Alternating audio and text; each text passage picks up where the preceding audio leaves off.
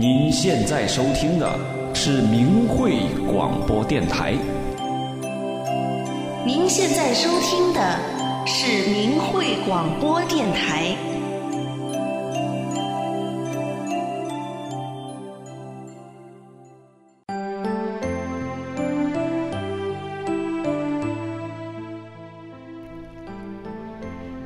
千百年的轮回中，也许哪一个人在哪一世曾经有过修炼的经历。希望透过密勒日巴佛的修炼故事，唤起你我心底深处那修炼的记忆。听众朋友，请您继续收听密勒日巴佛修炼故事，今天播出第二集。密勒日巴接着说：“我们把父亲埋葬以后，大家商量，都一致决定，所有财产完全归母亲掌管。可是伯父和姑母都坚决地对母亲说：‘你虽然是至亲，但我们比你还亲些。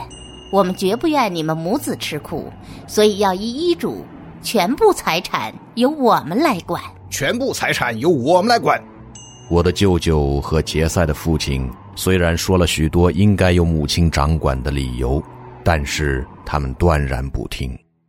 于是，男孩子的财产就归伯父管，女孩子的财产就归姑母管。其他的财产，伯父姑母一人分了一半。他们三人又对我们母子三人说：“从现在起，我们要好好的照料你们。”这句话说完了以后。我们母子三人的财产就全部瓦解了。于是，在酷暑的时候，伯父要我们耕田；严冬的时候，姑母要我们织羊毛。吃的是狗吃的东西，做的是牛马的事，穿的衣服褴褛不堪，系的腰带是用草绳子一根一根接起来的。从早到晚，一点空闲都没有。过度的工作使手脚都破裂了，血液从皮肤的裂口淌出来。衣服穿不暖，食物吃不饱，皮肤的颜色都转成了灰白，人也瘦的只剩一副骨头架子和一层皮。我记得。从前的我的头发辫子上有黄金和松耳石的链圈，后来松耳石等装饰品渐渐没有了，只剩下了一条灰黑色的绳子，最后满头都是虱子，狮子蛋在乱蓬蓬的头发丛里长了窝。看见我们母子的人都痛骂伯父姑母的刻薄。伯父姑母脸皮厚得像牛皮一样，全无羞耻之心，更不把这些讽刺挂在心上。所以，我的母亲就叫姑母“鬼母老虎”，不叫穷叉巴掌了。“鬼母老虎”这名字后来流行在村人的口中。那个时候，村人都纷纷地说：“抢了别人的产业。”还要把原来的主人当做看门狗，天下真有这种不平的事儿啊！当我父亲在世的时候，无论有钱无钱的人都跑到我们家来谄媚交往。现在伯父和姑母有钱了，生活的像王侯一样，他们这些人都跑到伯父姑母那儿去了，甚至还有许多人批评我的母亲说。常言说：“上好的毛料，细毛使能做。丈夫有钱时，妻妻房灵巧。”这句话真说的不错呀！你看，季贤白庄严母的丈夫在世的时候，她真是一个慷慨好施的女人。现在她没了依靠，就变得这样的穷酸。西藏有句俗语说：“人倒一次霉，十方传是非。我们的境况不好，运数坎坷，人们对我们的同情不但不增加，却相反的越来越淡薄，闲话和嘲笑也越来越多了。为了怜悯我的不幸，有时杰赛的父母送给我一点衣裳和鞋子穿，还很亲热的安慰我说：“文喜呀，你要知道，世界上的财产不是常住不变的。”世间的财物都像朝露一般的无常，你不要悲伤，你没有钱。你的祖父起先，不也是个穷光蛋吗？将来你也可以挣钱发财的。我心里十分感激他们。我的母亲有一块陪嫁的田，叫做铁波前穷。这个田的名字虽然不大好听，倒是一块很好的耕地，收获很不错。这块田由我的大舅舅耕种，每年把收的谷子存下来生利，多年来本利积聚了不少。艰苦的岁月一天一天的过去，到了我十五岁那一年，母亲就将那块地卖去一半。加上谷子生的利息，就用这笔钱买了许多的肉、许多的青稞做糌粑、许多的黑麦子做酒。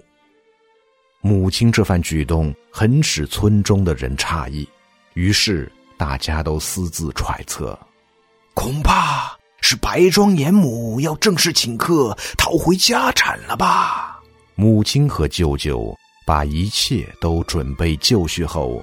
就在自己的家中，四柱八梁的大客厅里，把从各处借来的垫子一排排的在客厅里铺起来，请伯父姑母做主客，招待亲戚朋友左邻右舍，特别是那些在父亲临终遗嘱时曾经到场的人都请了来。母亲将最好的肉和菜放在伯父姑母的座前。所有其他客人的面前都满盛着丰富的食物，每人面前一大碗酒，那真是一个盛大的宴会。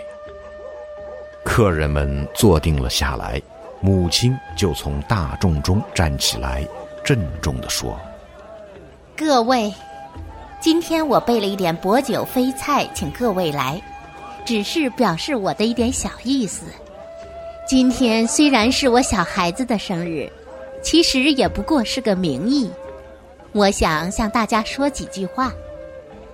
先夫密勒奖彩去世留遗嘱的时候，各位老人家们和伯父姑母都在做，都知道的很清楚。现在，我想请在座的各位再听一遍这个遗嘱。于是，舅舅站起来，当众。把父亲的遗嘱大声的读了一遍，所有的客人都不发一语。母亲紧接着又说：“现在文喜已成人，到了娶亲的年纪了。遵照他父亲密勒奖彩的遗嘱，现在该用合我们身份的礼，将杰赛姑娘迎娶过来。文喜也应遗嘱承管我们的家产。”至于刚才读过的遗嘱，各位当初在密勒奖彩微带时都是亲耳聆听的，不必我再重复了。今天就请伯父和姑母把代为保管的财产交还给我们。这么多年来，承伯父姑母及各位亲友的照顾，我们衷心的十分感谢。伯父姑母一致同声的大喝：“你们还有财产？你们的财产，你们的财产在哪里呀？在哪里呀？”平常，伯父和姑母无论什么事，意见总是不一致，但是在吞吃别人财物的时候，却联合起来了。他们一致的说：“呸！你们还有财产？你们的财产在哪里？弥勒将才年轻的时候借了我们很多的田地。”金子、松二石、马、牛和羊，他既然死了，这些东西当然应该还给我们。你们的财产就是连一星星的金子、一把的麦子、一两的酥油、一件破衣服、一条老牲口都没看见。哼，现在还要来说这种梦话？你们这个遗嘱是谁替你们写的？我们把你们母子养活到今天，已经够意思了。俗话说得好，恩将仇报的就是你们这些东西。说着，气吼吼的。牙齿咬得嘎嘎的直响，从座位上一下就跳了起来，把脚用力的向地上一蹬，大声的叫道：“喂，你们懂了没有？这房子是我们的，是我们的！你们赶快滚出去！滚！”一面说，一面就拿马鞭子来打我的母亲，用衣袖子来甩我的妹妹皮达。母亲痛觉在地，大声的哭叫。江彩啊，你看见我们母子三人了没有啊？你说你会从棺材缝里爬出来看的，现在你看见了没有啊？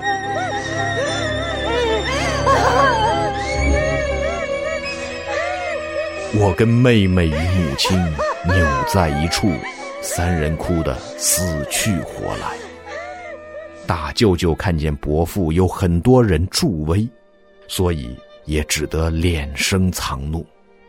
有一些客人们说：“唉，他们母子真可怜呐！”并且为我们的不幸伤心的流下泪来。可是，也只能悄悄的叹息而已。伯父和姑母的恶气还未发泄干净，索性恼羞成怒，恶狠狠地朝我们母子三人咒骂：“哼，你们要我们还财产吗？不错，财产是你们的，就是不还你们。你们有什么办法？我们高兴就用来喝酒请客，也不干你们的事。”伯父和姑母粗野鄙夷地讥笑着我们：“有本事就多找一些人来打一仗，把产业抢回去呀！没本事找人的话，那就去念咒好了。”说完了，就带着他的朋友们掉头不顾的走了。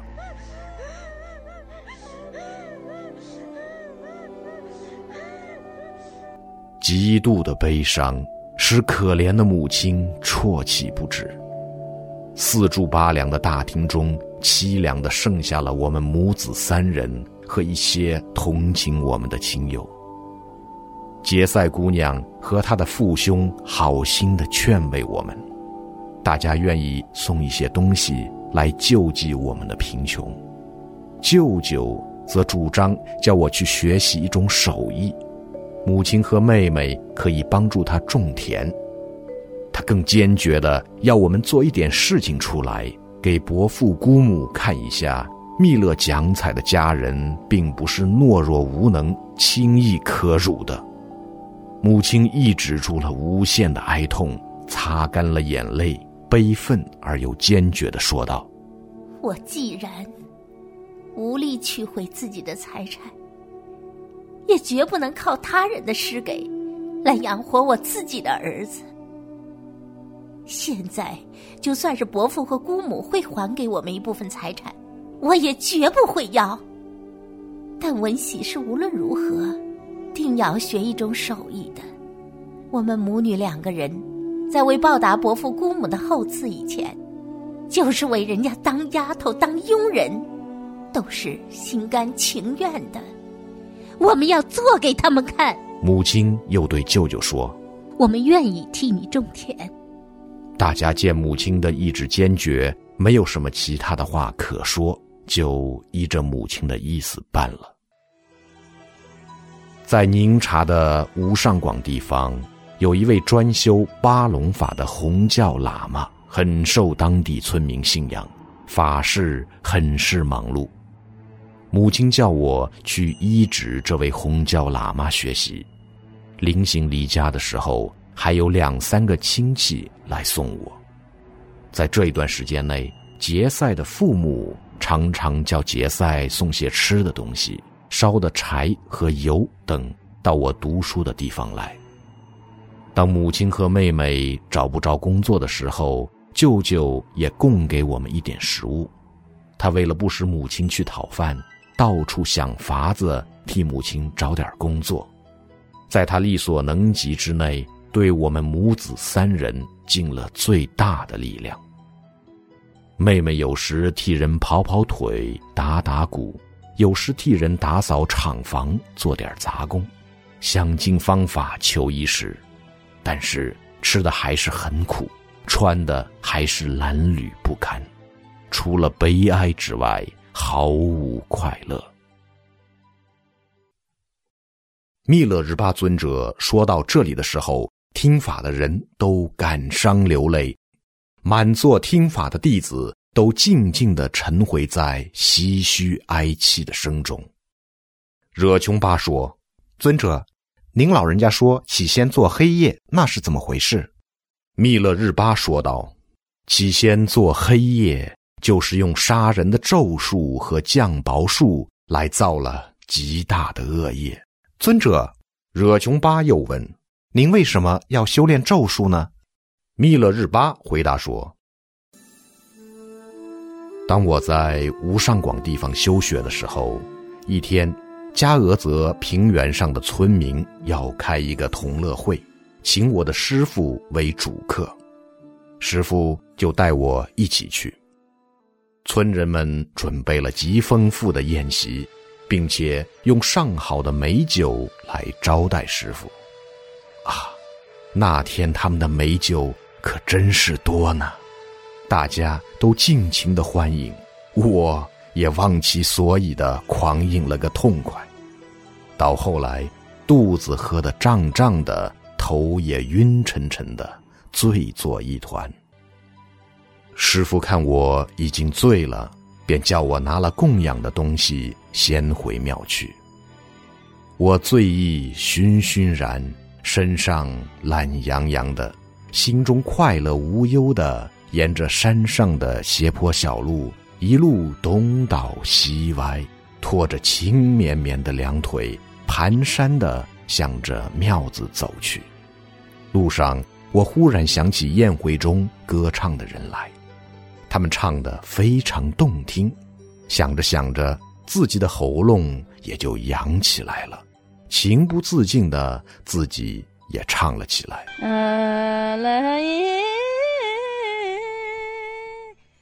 我的歌喉在乡人中原富有一点名气，这天有了酒意，兴致又好，声音也特别洪亮，同时歌调也好，心神飞扬在虚空，两腿飘然似飞的，且走且跳，且舞且唱。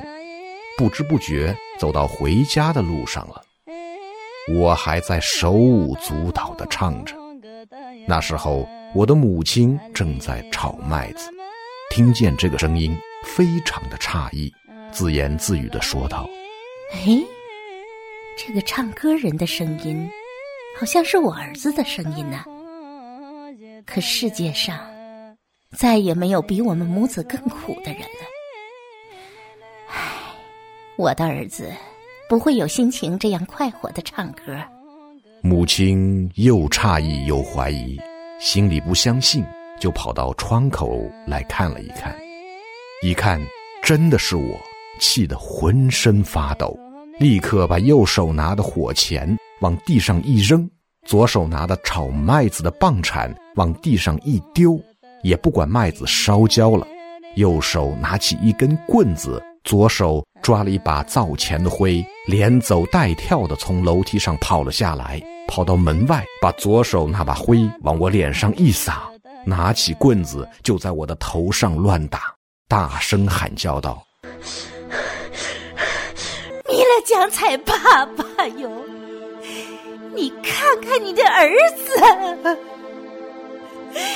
你的后代绝种了！”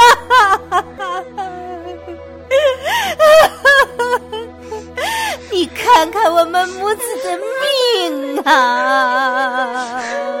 哭着叫着，气急昏倒在地上。这时候，妹妹皮达也从屋里赶出来，一面哭一面说道：“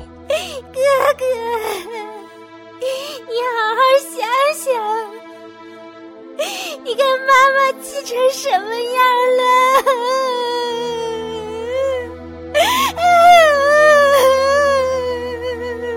我在这样一阵突然紧张的暴风雨之下，迷迷糊糊的听见妹妹的话，才清醒明白过来。一阵羞愧和悲愤使我的内心深深的痛疚，泪珠止不住的流着。妹妹和我一面哭一面握着母亲的手，摇着母亲的身体，呼唤母亲。半晌，母亲才苏醒过来。她用两只含泪的眼睛望着我说：“儿啊，世界上还有比我们母子更悲惨的人吗？你还有心肠这样快活的唱歌吗？你只要把你的母亲……”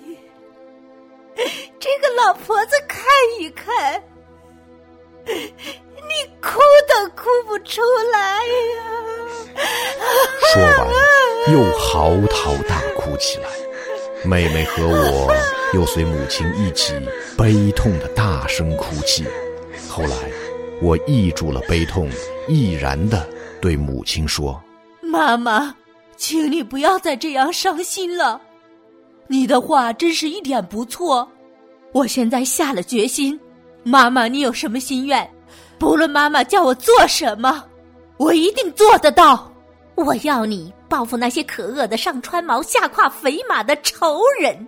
我们势孤力弱，唯一的报仇方法只有借助诸法和咒术。我要你去将诸法、咒术、降宝法彻底的学精，然后回来。用咒术把伯父、姑母和苛待我们的邻人连九族一概杀尽，这就是我唯一的心愿。你能做到吗？我一定办到。妈妈，给我准备旅费和上市的供养吧。我毅然决然地说。于是母亲就把铁钵前穷这块田土又卖了一半，将这钱。买了一颗名贵的巨星光大松耳石，后来又买了一匹叫无万之师的白马，加上一桶染料和一坨牛皮，以便后来供养上师和做我的旅费之用。我就在贡达乡的若贡措旅店里住了几天，等候可同行的伴侣。不久，从上俄日地方来了五个，都是要到卫藏去学法和咒术的好青年。我非常的高兴得到这样难得的机会，就向他们建议结伴同行。他们也很愿意多有一个同伴，就决定和我同行。我将他们请到下贡通地方，在家中住了几天。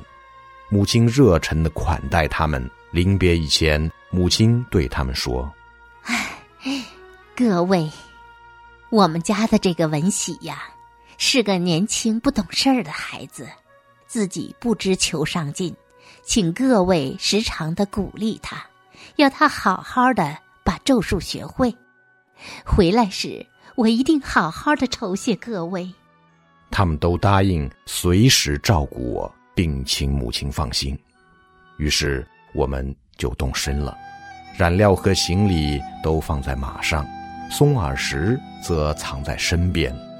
母亲送了我们很远的一段路，沿途给我们喝酒饯别，又再三叮嘱那些朋友们好好的照料我。后来又特别把我独自叫到一旁，紧紧地握着我的手。别离的滋味，充塞在我们母子心头。窒息了我们的呼吸，我们默默无言的相对着，千言万语想要在那一刹那间说出来，却反不知哪一种事了。费了很大的劲，母亲终于打破了这难忍的静默。文喜呀，你要好好的想一想我们母子的遭遇呀。无论如何，你得要咒一咒这个村子啊。你的同伴们学咒术的目的和我们不同，他们只想靠咒术养活自己。可是你可要好好的精进啊，儿啊！你要是不能咒倒这个村子就回来了，你的母亲就要死在你的面前。我激动的向母亲发誓说道：“妈，我要是学不成功，我是绝不回来的，请您放心好了。”我将被母亲紧握着的手慢慢的抽了出来，回到同伴一起，就向母亲告别了。但是我心里还是舍不得母亲，向前走几步，又回头看看，走几步。又回头看看，眼泪扑簌簌的直往下流。母亲也好像舍不得我，一直到看不清我的时候，还是朝我去的方向凝视。我很想跑回去，再看看母亲。这时，在我心灵深处，直觉仿佛已告诉我，这是我们母子最后的一次离别。从此以后，我将再见不到母亲了。母亲一直等到看不见我的背影以后，方才哭着回家去。这几天，村上的人们都知道，白庄严母的儿子去学咒术去了。